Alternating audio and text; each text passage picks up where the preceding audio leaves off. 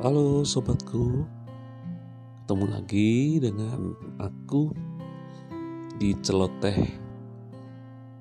Nah, celotehku kali ini aku mau bagikan satu pengalaman yang seru, yang menyenangkan, yang asik dalam beberapa hari belakangan ini ya. Uh, ceritanya gini satu kali aku dengan keluarga aku pergi untuk beli roti di satu toko roti. Nah, waktu beli roti itu kebetulan di toko itu sedang ada perbaikan. Ada beberapa bagian toko kelihatannya lagi diperbaiki supaya lebih bagus lagi gitu. Aku lihat ada dua orang tukang yang sedang kerja di situ dan waktu selesai beli roti uh, istriku langsung ngambil dua buah paket sembako dikasihkan ke mereka.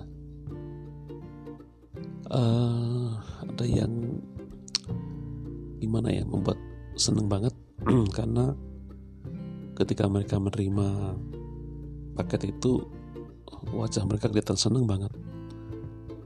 Uh, terus mereka juga tidak berhenti ucapkan terima kasih terima kasih gitu.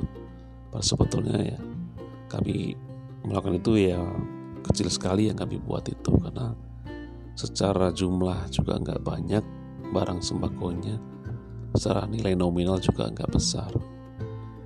Tapi kembali lagi kami memang punya satu komitmen berbagi dengan apa yang bisa kami lakukan.